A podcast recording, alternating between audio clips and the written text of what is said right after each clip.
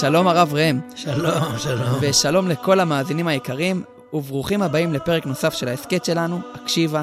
שמי נועם אייזקס, ואני, כמו שהרב ראם אומר, תלמיד שמחוץ לכתלים. אני מזכיר, כמו בשיעורים אחרים עם הרב ראם, כל פרק ייפתח בשאלה שנקבל מכם המאזינים, ומתוכה נמשיך לשוחח. את הפרטים איך אפשר לפנות אלינו, תמצאו בתיאור הפרק. אנחנו מתחילים.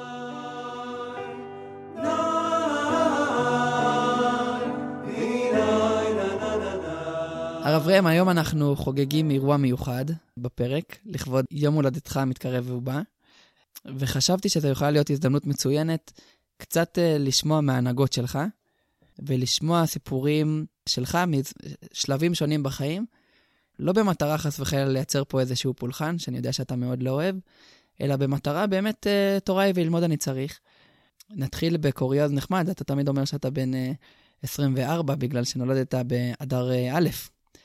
אז uh, התשובה, הלכתי ובדקתי, והתשובה היא שאתה אכן בן 24. ואני אשמח uh, אם תוכל לספר לנו סיפור ראשון מהתקופה שלך כתלמיד. יש לך איזה משהו שאתה זוכר, שאולי uh, המאזינים יוכלו למצוא את עצמם בתוכו? Uh, תראו, אני חושב שאדם לא מתחיל בתור תלמיד. אדם מתחיל בתור ילד בגן. אדם מתחיל בתור תינוק במעי אמו.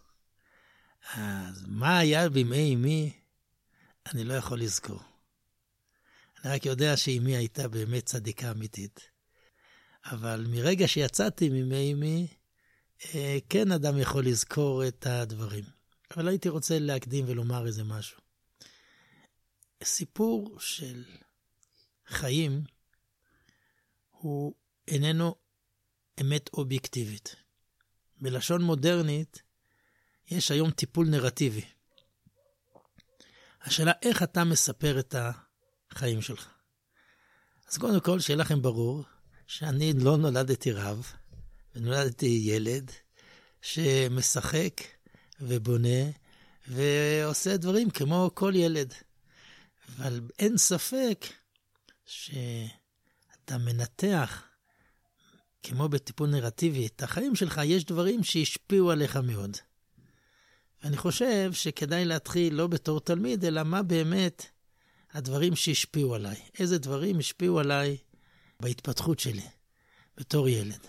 אני זוכר סיפור uh, ממש משיעור א', לדעתי, סיפרת לנו את זה, שהילדים בגן היו צוחקים עליך שאתה חייב להיות רב, כי נקראת רבי אהרון מרדכי. אז זה נכון, מאוד לא אהבתי. השם שלי בברית היה אהרון מרדכי, וסבי, שהיה איש הלכה, אמר שהוא לא יקרא לי אהרון מרדכי, שזה שם אביו שהוא רבו המובהק, אלא הוא יקרא לי ראם. והשם שלי בתעודת לידה זה היה ראם עם ראשי תיבות. באמת, היו משגעים אותי מאוד על, ה... על השם הזה, וכאשר כבר לא אהבתי את השאלות, הייתי עונה להם שזה ראשי תיבות של רק אתה משוגע. אף על פי שהם היו יכולים לענות לי שזה גם ראשי תיבות של רק אני משוגע. אבל אה, אכן ככה קראו לי, אבל בתור ילד אני לא התייחסתי שאני רב. אני יכול להגיד שהיו דברים שהשפיעו עליי מאוד מאוד מאוד. ואני אגיד מה הדברים שהשפיעו עליי מאוד מאוד. אני זכיתי, והסנדק שלי היה הרב זבין. את זה אני לא זוכר. אבל במשפחתנו, כל שמחת תורה וכל פורים היינו הולכים לרב זבין, שהוא היה נשוי בנישואים השניים עם דודה של סבתא שלי. ואני בתור ילד, אומר את האמת, לא כל כך אהבתי ללכת אליו. מדוע? כי היינו מגיעים, ואז אבי, הריני כפרת משכבו, היה לוקח אותי אליו, והוא אומר לי, שלום, מה שמך? איפה אתה לומד? מה אתה לומד? ומתחיל לבחון אותי. ככה היה קבוע. אף אחד לא אוהב ללכת למבחן. כן, ואני בתור ילד לא אהבתי. ואחרי זה הייתי בורח לחדר של אנשים ושותה מיץ ואוכל עוגיות ומשחק בחוץ. אבל אין לי ספק שהמפגש איתו השפיע עליי מאוד. מדוע? הוא ישב בחדר, היה לו בית מרשים מאוד ברחוב יונה. היה לו חדר ענק, מלא ספרים גבוה, עם מדפי ספרים באמצע, ואמרו לי שהוא יודע את כל מה שכתוב בכל הספרים. ואת האמת, מאוד מאוד קיניתי בו. אמרתי, כשגם אני רוצה שיהיה לי כזה חדר.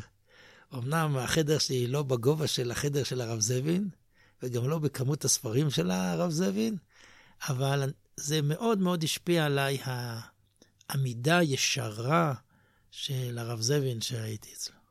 באופן כללי, אם אני זוכר נכון על הרב זבין, אני מרגיש שהרושם שלך ממנו הוא בעיקר קשור בישירות וקווים אה, ברורים. הוא מי שהיית אומר בשמו, מי שחושב ברור, מדבר ברור. וכותב ברור. וכותב ברור. נכון, הוא היה מדבר מאוד ברור, בלי התחכמות, היה לו דעה מאוד ברורה, הוא היה ציוני, בניגוד לחבדניקים של היום, שהם אה, חצי ציוני, אה, חצי, בכלל לא ציונים, אין מדינת ישראל. אני זוכר כמו היום שישבתי עם סבי במשרד של בית כנסת ישורון, ודובדבן ישאל את מי נזמין ליום העצמאות, וסבי אמר לו את הרב זבין, אומר, איך נזמין אותו? אמר לו, מה השאלה איך נזמין אותו? בוא נחייג אליו. ואני זוכר שחיגו בטלפון עם החוגה, ואני הייתי ילד, ישבתי שם, שלום, זבין, כך הוא אמר. כן, אני אבוא. ואני זוכר גם מה הוא דרש, בלי חוכמות. הוא דיבר שביציאת מצרים היה, אה, בהתחלה חלק האמינו בשם, חלק האמינו במשה. בקריאת ים סוף כתוב, והאמינו בשם ובמשה עבדו. כלומר, חלק מאמינים במדינה, חלק מאמינים בשם. ויום העצמאות זה, והאמינו בשם ובמשה עבדו. זאת הייתה דרשה שילד יכל להבין בבהירות יוצאת דופן. גם היה בו יושרה מאוד גדולה. אתם מכירים אותי, אחד החסרונות שלי, שאני מאוד חד בלימוד. ואם אני לא מסכים עם מישהו, אז אני מדבר לפעמים בתקיפות, שאולי צריך לחזור בתשובה ולדבר יותר בצורה מעודנת. אבי הרני כפרת משכבו היה מאוד כועס עליי שאני מדבר בחריפות כזאת. בסוף ימיו של הרב זבין הלכנו לבקר אותו, הוא היה חולה מאוד. ואני זוכר כמו היום דיברתי איתו נגד החזון איש בסימן כ', שמעלה שבתענית ציבור אפשר לעלות ברכת כהנים גם במנחה גדולה. ואני טענתי נגד זה, שזה נגד הפשט הגמרא בתענית, בצורה מאוד חריפה. בן כמה היית? אתה זוכר? אה, לא, הייתי בחור, אבל לא... הייתי, לא זוכר, בישיבה תיכונית, אני חושב. אוקיי. ו... מול, גדול, מול גדול דור בישיבה תיכונית? לא, בקיצור דיברתי, מאוד כתבות. ואורו עיניו של הרב זבין, והוא הצדיק אותי, והוא טען שאפילו לא פלג המנחה, אלא סמוך לשקיעת החמה. הגמרא אומרת שלמה עולים במנחה בתענית ציבור? כיוון דסמוך לשקיעת החמה כנעילה דמי. ואני טענתי, הראיה שביום הכיפורים אנחנו לא עולים במנחה. סימן שזה רק סמוך לשקיעת החמה. אז הוא טען, סמוך לשקיעת החמה זה לא פלג המנחה, אלא זה חצי שעה לפני שקיעה. ובתקיפות גדולה הוא אמר לי, אתה צודק, וזה. בספר קהילות יעקב, אם אני לא טועה, מופיע שאצל החזון איש עלו במנחה גדולה גם לברכת כהנים.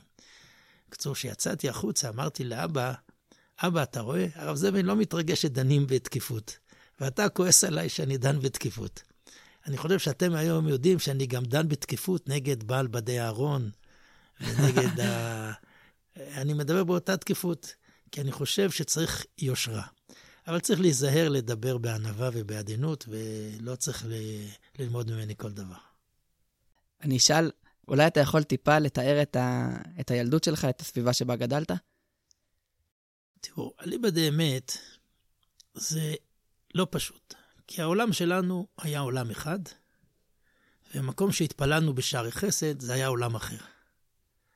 ואת האמת, זה הימור לא פשוט, היכולת לחיות את כל העולמות, שאני מאוד מודה לשם שגדלתי ככה, אבל אני מכיר, מכיר הרבה אנשים שגם התפקרו מזה.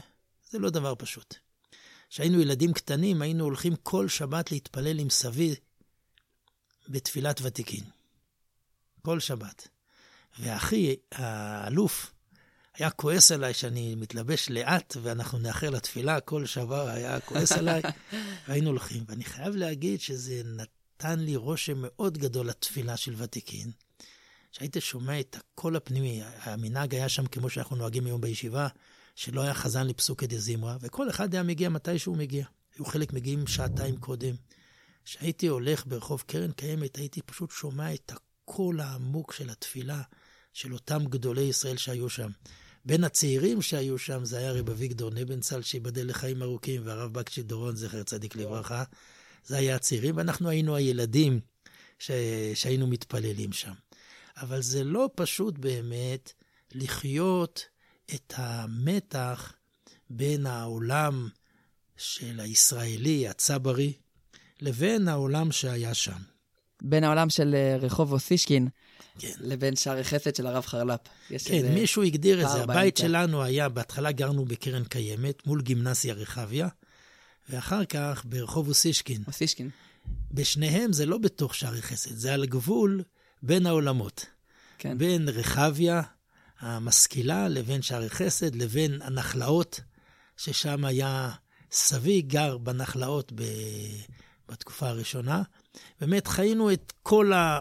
חיינו את כל העולמות. הייתי, הייתי אומר, מדברים על, אה, על אינטגרציה, מדברים על זה, אז באמת חיינו את כל העולמות, גם את העולמות של נחלת אחים, שזה לא הנחלאות של היום, זה היה שכונת מצוקה, נחלת אחים, באותה תקופה, ו... וגם את אה, רחביה וגם את, אה, הייתי אומר, אחד הדברים אפילו שהשפיעו עליי זה גימנסיה רחביה, שהיה להם מורה להתעמלות מצוין, והם היו רצים כל הזמן מסביב, והיינו רואים בחורים בריאים שרצים, זה בוודאי, בוודאי משפיע עליך מבחינת התפיסה של הזה. זה ממש חיים בין עולמות. וכמי שחי בין כל העולמות האלו, כשהגעת בשלב מסוים ל... לישיבה, ישיבה תיכונית, איך השתלבת בתוך המרחב הזה? צריך לדעת, גם בישיבה התיכונית, אנחנו חיינו בין עולמות. הר"מים כולם היו חרדים, לא חרדים לגמרי, אבל uh, גדלו בעולם החרדי בוודאי, זו הגדרה בוודאי מדויקת. ראש הישיבה, מורי ורבי רבי רבינה, זה היה דמות מופלאה של אדם שגדל בדור שלפני השואה, בישיבת מיר, עלה לארץ, מכר את הפרק שלו, והיה לו המלצות מכל גדולי הדור, והלך לעבוד בבניין בשביל שיהיה לו מה לאכול. אחר כך הקים משק בכפר הרועה, הוא לא התחיל כרם. אחר כך הוא נהיה רם, ואז באה מלחמת העולם, והוא על דעת עצמו מבין שכל אירופה הולכת להיות מושמדת, והוא מתגייס לצבא הבריטי ונופל בשבי הגרמני ויושב שם ארבע שנים. עכשיו הוצאנו ספר חידושים שלו שהוא כתב במיר בתור נער, והוא כותב בצוואה בזמן שהוא היה בשבי, שהוא חושב שהוא הולך למות, שהוא מבקש שידפיסו את זה. וואו. שזה מרשים מאוד, הישיבה הוציאה את הספר הזה. אני לא חושב שיכול להיות אדם יותר ציוני מרברי מבחינת המעשים, כולנו יכולים להתגמד. אדם שמשאיר אישה וילד בכפר הרועה, והולך ומתגייס לצבא הבריטי כי יש מלחמת עולם ולא שואל אף אחד. הוא באמת היה דמות פרדוקסלית שהריץ את גדולי הדור מצד אחד, ומצד שני היה ציוני ברמה חברית. הוא חי סתירות. המציאות של החיים הכפולים האלה הם מאוד גדולים. אני באמת זכיתי, ואני מאוד מודה לשם, אחרי מלחמת יום הכיפורים, אז לא היה מדריכים, כי התגייסו למלחמה. ואני הייתי אחראי על חדר האוכל, ובתור אחראי על חדר האוכל ישבתי קבוע עם רב אריה והוא היה מספר לי סיפורים על גדולי ליטא. הוא היה מאחר לשיעור בגללי, הוא היה מספר לי הרבה סיפורים, וקיבלתי מזה הרבה. קיבלתי מזה הרבה כי האדם, הצבר הישראלי, במידה מסוימת, התורה שלנו צריך להיזהר שלא תהיה תורה אחרי המבול. יש תורה של מסורת. משה קיבל תורה מסיני, מסרה ליהושע, יהושע לזקנים, וזקנים לנביאים. יש ערך של תורה, כל תורה שאין לה ביתה והיא לא תורה. ואני חושב שרב ארי הצליח לקשר אותנו לדמויות כמו המשגיח המפורסם במיר, רבי רוחם, כמו רב חיים מויזר, כמו אה, רב חנו חייגש מווילנה, וכל אחד זה היה אנשים שהיה לו קשר אישי איתם. שיעור הגמרא שלו זה היה שיעור שהוא היה ספר ואמר, אצלו אני אכלתי ארוחת צהריים, ואצלו אני הייתי פה. זה הספרים שהוא היה מביא לנו, זה היה חלק מהעניין. אני חושב שהמציאות הפרדוקסלית הזאת של המציאות הישראלית, עם תקומת המדינה, עם הצבא והמלחמות, והיכולת לקשור את זה לעולם, שזה לא יהיה תורה בלי בית"ר, אני ממש מודה לשם שזכיתי לחיות בעולם שהוא היה עולם גם בין עולמות, היה בו הרבה בעיות, זה לא פשוט העולם הזה בין העולמות. אה, אני זוכר שביום העצמאות, אחד הר"מים אמר, בשבילי יום העצמאות זה לא יותר מפול כבשר. אבל אה, בישיבה היה מסדר ליום העצמאות, עמוד דום, עמוד נוח, העלאת הדגל, דבר ראש הישיבה ליום הזיכרון. כאשר עומד ראש ישיבה שנראה כראש ישיבה ליטאי, עם כיפה ליטאית, עם זקן לבן, שהשלג מלוכלך לעומת הזקן, ועומד. כלומר, אף אחד לא יכל להגיד שהוא לא ציוני, אבל זה באמת היה עולם עם סתירות פנימיות מאוד מאוד גדולות בתוך כל המשחק הזה. ואתה מרגיש שהדבר הזה מקבל ביטוי ביכולת שלך אה, להסתכל על עם ישראל, או ביכולת שלך להיות רב קהילה? כן, או ראש ישיבה? כן, אני חושב שאני מרגיש בתוך התורה בבית, אני לא מרגיש שזו תורה שהתנתקה מאיזשהו אה, משהו. את זה גם קיבלתי מסבי. סבי למד עשר שנים קודם במיר, והוא החליט לעלות לארץ, בניגוד לרב אריה, שקיבל את ברכתו של רבי רוחם בעלייה לארץ. סבי לא התייעץ איתו, וסיפור מאוד מעניין, ש-15 שנים אחרי שהוא עזב את הישיבה ועלה לארץ עם החלוצים, הוא נסע בשליחות המזרחי והתארח שבת שלמה אצל רבי רוחם. ורבי רוחם מתעניין בצורה יוצאת דופן במה שקורה בארץ ישראל. הוא התעניין בקיבוצים, בשוויון, בתור איש מוסר. בסוף סבי שואל אותו, הרב, יש לי שאלה אליך. אם הייתי בא להתייעץ איתך, ובלשון שלהם, ואם היית יודע שאני אשאר אמון על תנועת המוסר, מה היית מייעץ לי, לעלות לארץ או לא? ואז הוא מספר שרבי רוחם נעמד, ורבי רוחם היה אדם מאוד מאופק. בהתרגשות גדולה הוא אומר לו, זכותך גדולה לאין ארוך. אני חושב שאם הייתי בגילך, הייתי עושה את זה. ואז הוא המשיך משהו מרתק שקשור למה שדיברנו קודם. הוא אומר, להיות פועל אצל בעל אחוזה אחר, לא הייתי יכול בגלל רגש החירות הטבוע בי, אבל להיות בעל אחוזה בארץ ישראל, בוודאי שהייתי רוצה. ואז הוא ביקש ממנו לתרום לשקל הציוני. השקל הציוני זה היה כמו תעודת חבר, בהכירי בערך בעניין התורה על ידי תנועת תורה ועבודה. כלומר, אתה חבר, הרי אני תורם, כתוב שלושה זהובים, נדמה לי, ומי שחותם זה התורם, לא המתרים. Mm-hmm. כלומר, זה תעודת חבר, ורבי רוחם תרם לזה, וואו. והוא חתום על זה. יש את זה, את הדבר הזה, זה נמצא בספר של סבי, אני חושב שהמציאות הפרדוקסלית הזאת, שגדלתי אצל סבי ואצל רב ארי, ואצל סבי מהצד השני, שהוא היה ציוני גדול, אבל הוא גדל במונקאץ' והיה בן בית אצל בעל המנחת אלעזר, הרב מונקאץ', ואצל גדולי עולם, והיה ציוני מאוד גדול.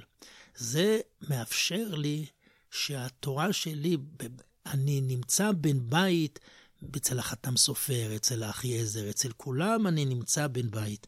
אולי אני אספר סיפור מרתק. שהוצאנו את הספר של רב אריה, ביקשו ממני לכתוב הקדמה.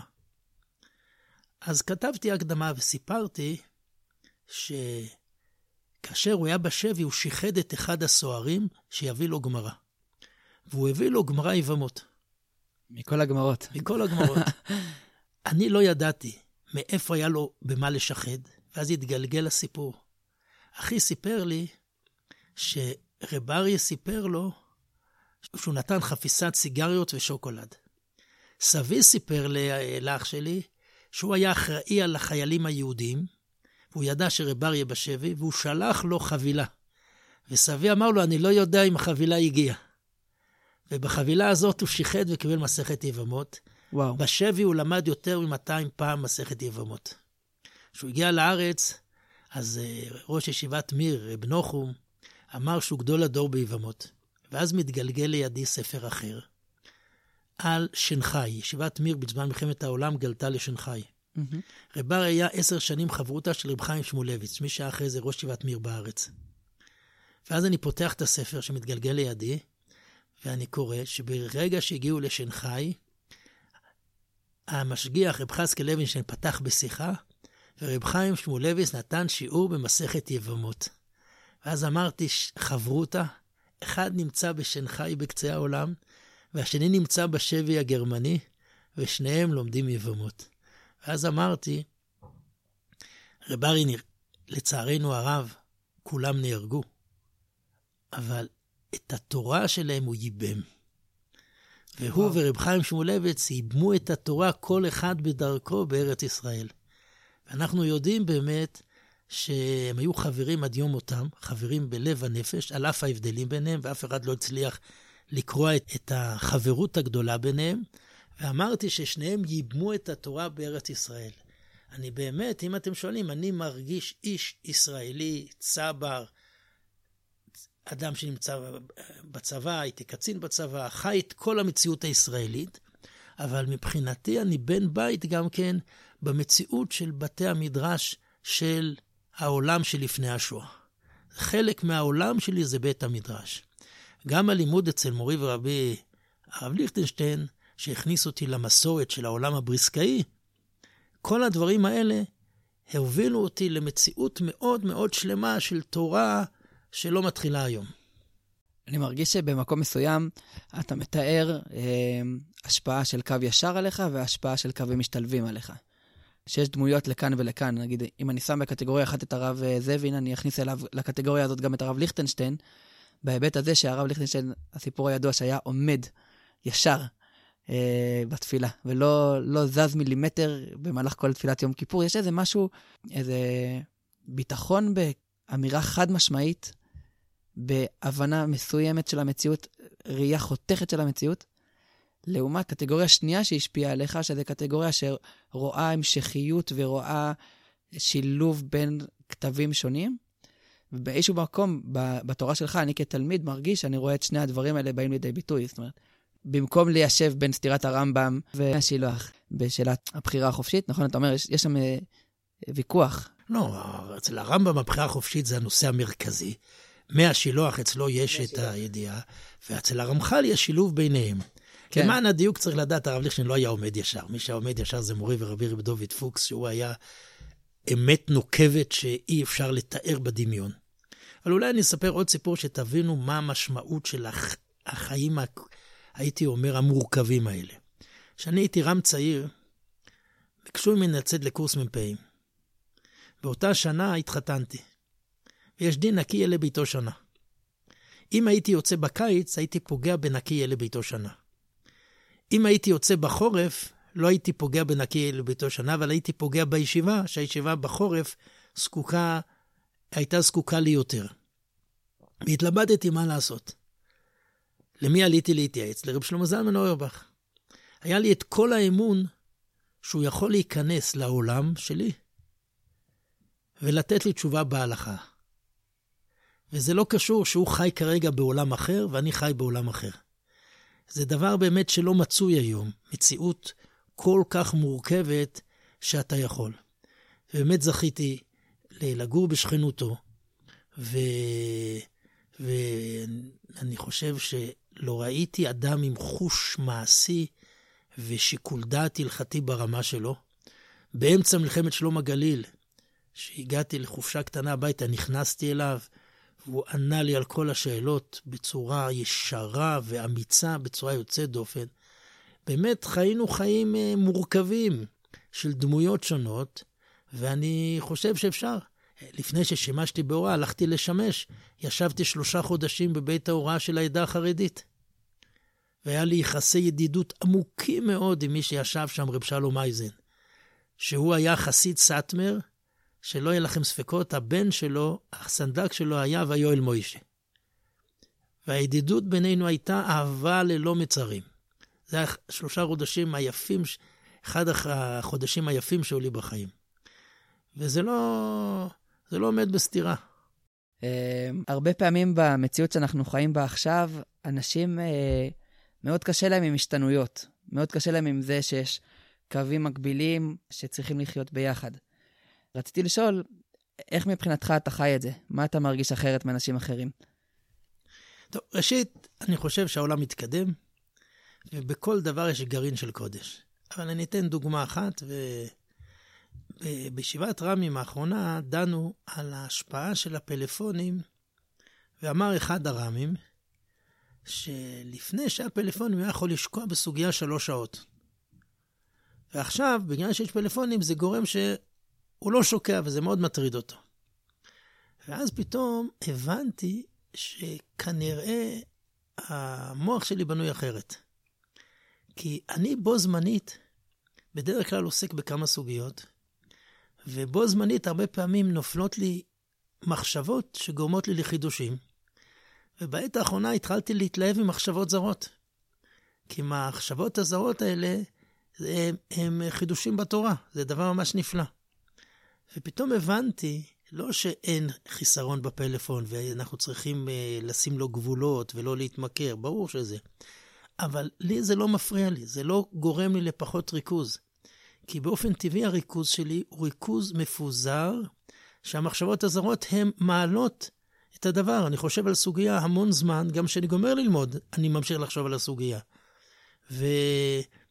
ולכן זה, זה לא מפריע לי אם אני לומד סוגיה, פתאום מישהו מדבר איתי על משהו אחר, אני חוזר לסוגיה ואני חושב, גם בזמן שאני מעביר שיעור, תוך כדי אני חושב על דברים אחרים, ותוך כדי פתאום מתחדשים לי חידושים, ותוך כדי קורה לי דבר. תורה שנובעת, זה מעיין שמתגבר. כן, לכן אני, אני מאוד שמח. שוב, לא שלא צריך לשים גבולות להתמכרות, לא, לא לזה כוונתי, אבל הבנתי שלי זה לא מפריע. אני מאוד שמח על המחשבות הזרות שגורמות לי לחידושים גדולים. אמ, אנחנו מתקרבים לסיום. אני אשאל אותך שאלה שאני חושב שהשאלה שאני הכי חושש לשאול, אבל אה, אחרי שעברת את גיל 60, אני מרגיש שאני יכול לשאול ואפילו צריך לשאול, אמ, והיא, הרב ראם, במה, במה הארכת ימים?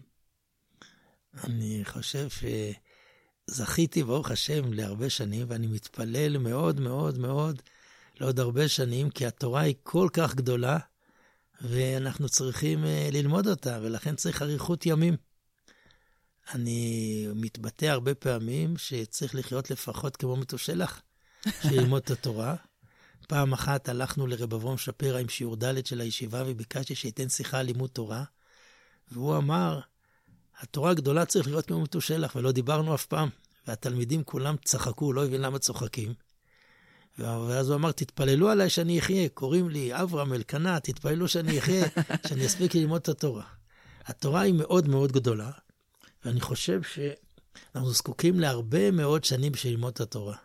אני אגיד ביושר, אני מרגיש כמו בשיעור א', ואני לא אומר את זה סתם. אני מרגיש מול האינסוף, התורה הגדולה. שיעור ה', הרב ראם, בגיל 24 זה כבר אה, שיעור ה'. לא, שיעור ט' אפילו, ח'. אה, אבל באיזה הנהגות הארכת ימים? ותאריך ימים. אני אענה לך מה הכי חשוב לי בחיים. הכי חשוב לי בחיים זה הענווה. ואני לא מקבל את האמירה שאי אפשר לחנך לענווה, שאומרים את זה בשם כמה גדולים. אנחנו מכירים את הגמרא שאומרת שמת, שמת רבי בטלה ענווה. אומר רב יוסף, והאי כהנא. אז אדם זר יגיד איזה שחצן זה, אומר אני ענב, והענב הידוע. ואני חושב שהלוואי והייתי מגיע למדרגת רב יוסף. רב יוסף היה בר פלוגתא של רבא. רבא היה עוקר הרים ורב יוסף היה סיני. כששלחו לשאול בארץ ישראל מי יהיה הנשיא, אז אמרו שרב יוסף. ומינו את רבא, ורב יוסף לא התנהג בשום הנהגה של נשיאות. כלום. התנהג כאיש פשוט. מספרת הגמרא. אפילו היה הולך למי שמקיז את הדם. רב יוסף בסוף ימיו כנראה היה לו דימנציה. ואביי, תלמידו, כל פעם מעיר לו, לימדת אותנו אחרת, והוא מקבל את דעתו. אני מתפלל שיהיה לנו ענווה לדעת שכולנו עומדים מול האינסוף. ואין הבדל בין x גדול מ-y ביחס למרחק בינינו לבין האינסוף. אני לא מבין איך אנשים מתגאים. אני באמת לא מבין. זה כנראה חלק מהחלל הפנוי שגורם את זה. אבל אני חושב שהדבר הכי חשוב זה שאדם יכיר כמה הוא רחוק מהאינסוף. הוא יעמוד באותה תפילה של דוד המלך, על פי פירוש הזוהר, גל עיניי והביטה נפלאות מתורתך, מה שנמצא מתחת לבוש התורה. וזו תפילה גדולה, שבאמת נזכה לגלות את ההיעלם הגדול של התורה. בעזרת השם. אה, אני אנצל את, ה, את, ה, את המיקרופון של סוף הפרק להגיד לך מזל טוב. תודה על השיתוף הכנה ועל אה, ציור הילדות שציירת לנו. הרגשתי שיצאנו היום לטיול מיוחד במינו במציאות שכבר הספיקה להשתנות, אה, ואני מודה לך שהכנסת אותנו לתוכה, שתזכה להמשיך ולהתחדש עם התורה ולהעמיד דורות של תלמידים שמקשיבים לתורה באופן עמוק. תודה. אני צריך להגיד תודה לתלמידים. רבי אומר, הרבה למדתי מרבותיי, ומחברה יותר מרבותיי, ומתלמידה יותר מכולם. צריך לדעת שכל התורה שלי זה בזכות התלמידים.